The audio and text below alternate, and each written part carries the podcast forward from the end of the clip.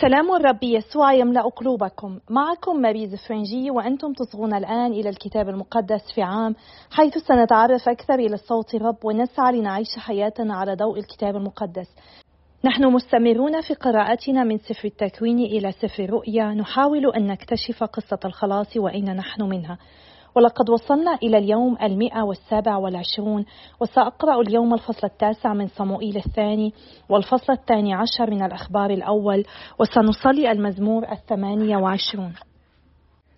الفصل التاسع من صموئيل الثاني بيت داود والدسائس للخلافة ما في بعل عطف داود على ابن يوناتان وقال داود هل بقي أحد من بيت شاول فأصنع إليه رحمة من أجل يوناتان وكان لبيت شاول خادم اسمه صيبة فدعي إلى داود فقال له الملك أأنت صيبة؟ قال عبدك. فقال الملك ألم يبق أحد من بيت شاول فأصنع إليه رحمة الله؟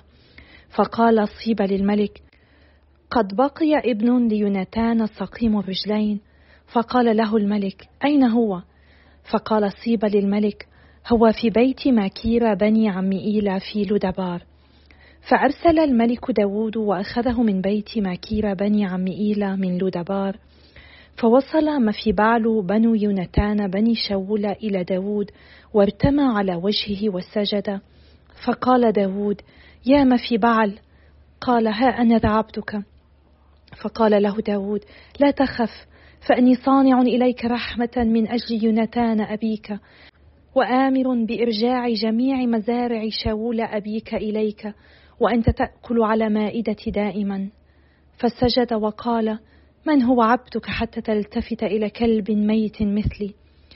فدعا الملك صيبة خادم شاول وقال له كل ما كان لشاول ولبيته قد أعطيته لابن سيدك.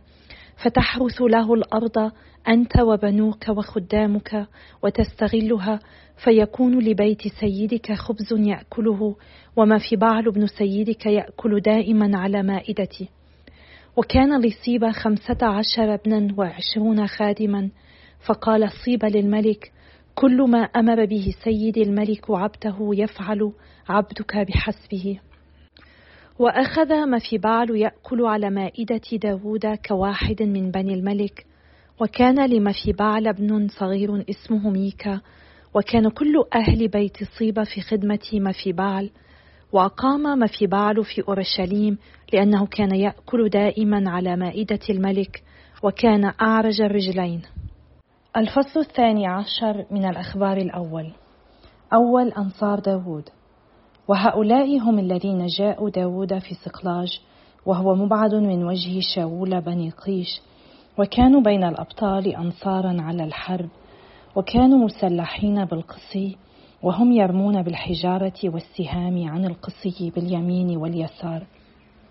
فمن إخوة شاول من بنيامين الرئيس أحي عازر ثم يؤاش ابناء أمشماع الجبعي ويزيئيل وفالة ابناء عزموت وبراكة وياه العناتوتي ويشمعي الجبعوني رجل بطل من الثلاثيين وهو على رأس الثلاثينيين.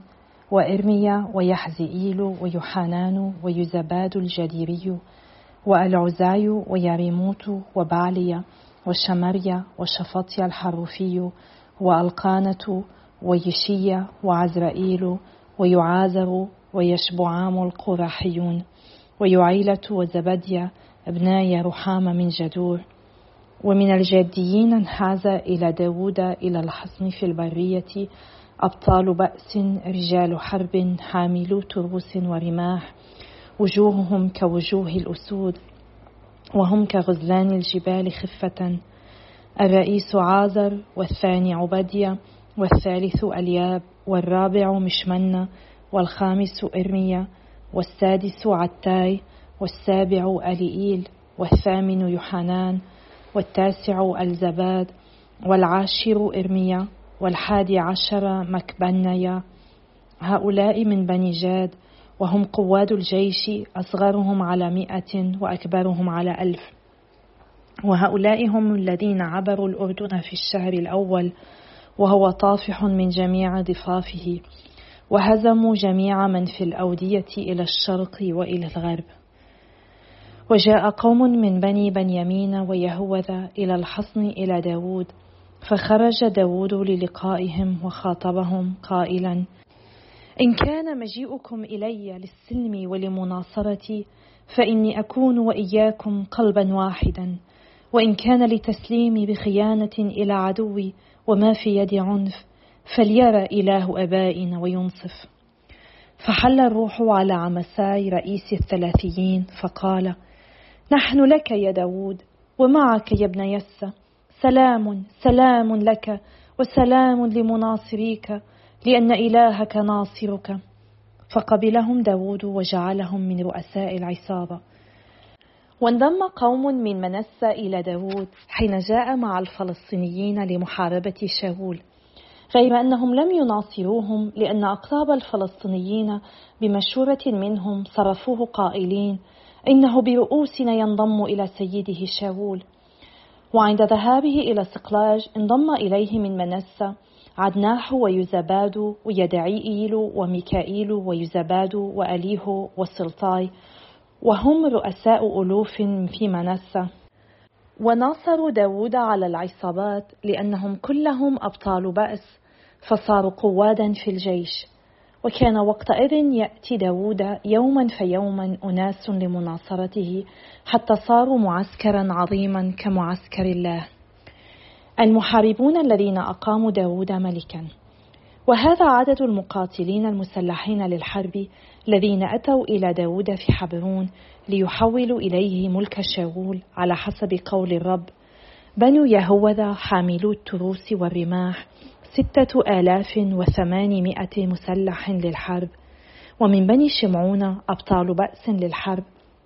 سبعة آلاف ومائة ومن بني لاوي أربعة آلاف وستمائة وييداع رئيس الهارونيين ومعه ثلاثة آلاف وسبعمائة وصدوق وهو فتى بطل بأس مع بيت أبيه وهم اثنان وعشرون رئيسا. ومن بني بنيامين إخوة شاول ثلاثة آلاف لأن أكثرهم كان مغاليا لبيت شاول. ومن بني أفرائيم عشرون ألفا وثمانمائة أبطال بأس رجال شهيرون في بيوت.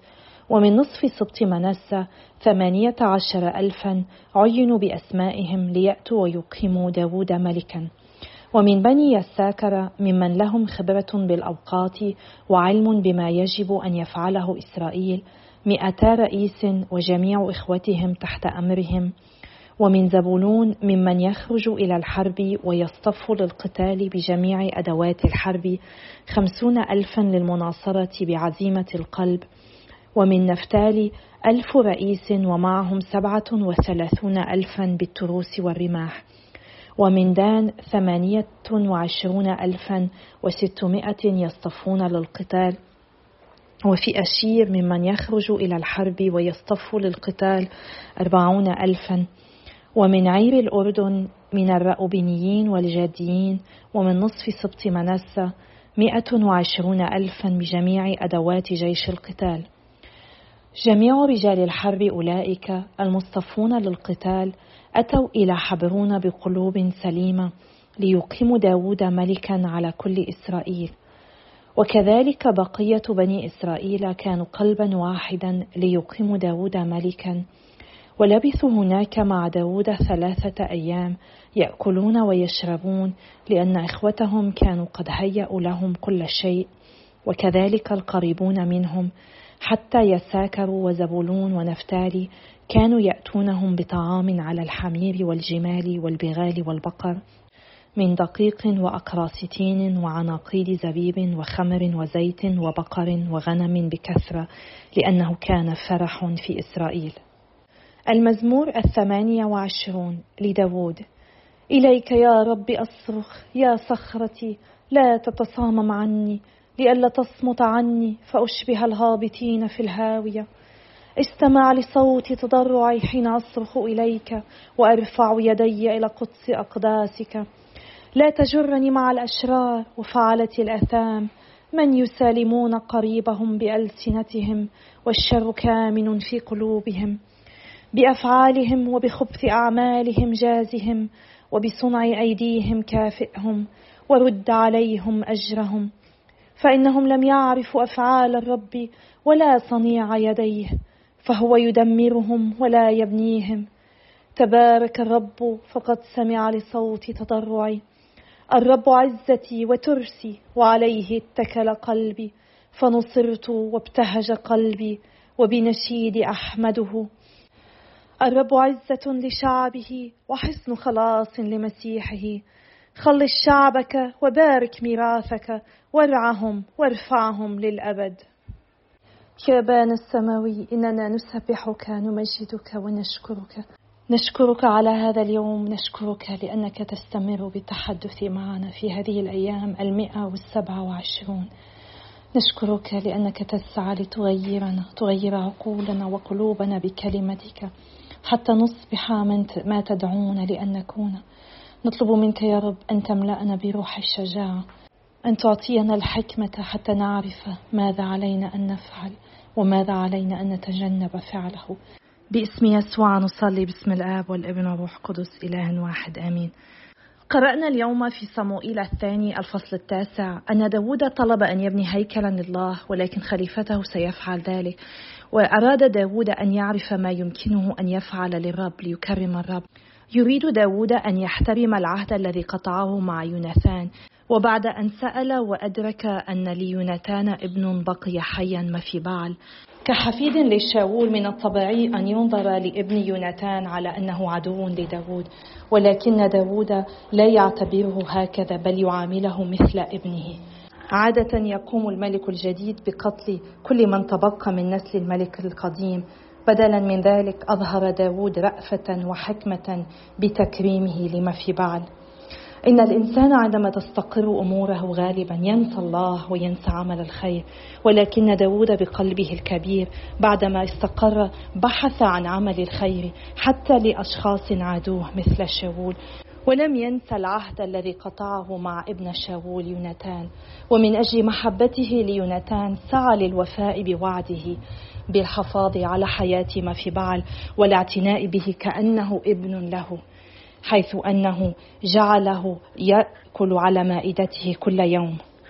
فلنتعلم من مثل داود ألا ننسى عهودنا مع الله ومع الناس لأنه إن كان الله أمينا في عهده معنا واعتنى بنا لماذا نتأخر في تحقيق وعودنا وحفظ وصاياه إن الله أثبت محبته لنا.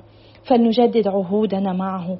ولنطلب منه النعمة كي نحفظ هذه العهود ونكون أمينين لكل ما نتعهد الرب به وما نتعهد الآخرين به. يمكننا أن نتصرف مثل داود ونسأل أنفسنا هل هناك أي شخص من حولنا يمكننا التعامل معه بلطف من أجل الرب؟ فلنقضي بعض الوقت نتامل في هذا الموضوع ونطلب من الرب أن يقودنا إلى الشخص الذي يريدنا أن نظهر لطفا ومحبة نحوه حتى يختبر من خلال ما نفعله محبة الله له. في قراءتنا لسفر الأخبار اليوم قرأنا أعدادا كثيرة ولكن النقطة المهمة هي عن كل هؤلاء الرجال الذين أعلنوا ولاءهم لداود كانوا رجال يتميزون بالقوة والشجاعة في الحرب يرمزون إلى المؤمنين الأشداء في جهادهم الروحي فيدسون قوة الشرير. هؤلاء الرجال كانوا مخلصون ومثابرون في الدفاع عن الملك ومحاربة أعداء إسرائيل. كانوا يدركون أهمية دفاعهم عن الملك وعن المملكة. وهذا درس لكل واحد منا أن نتعلم ماذا يطلب منا وأن نفعله. فلنستمر بالصلاة من أجل بعضنا البعض لنثابر في هذه المسيرة سويا لكي نثق بالرب أكثر نجدد عهودنا في بعهودنا مع الرب ومع كل شخص يضعه في حياتنا. ونتعلم من مثل داود ومثل الأشخاص الأبطال الذين نقرأ عنهم كيف يمكننا أن نثابر ونكون مخلصين في عيش مسيحيتنا. أنا أتشكر صلواتكم وتشجيعاتكم وأنا أحملكم في صلواتي كل يوم خاصة في ذبيحة القداس الإلهي. وفي صلاتي لمسبحة الوردية وإلى اللقاء غدا إن شاء الله يوم آخر.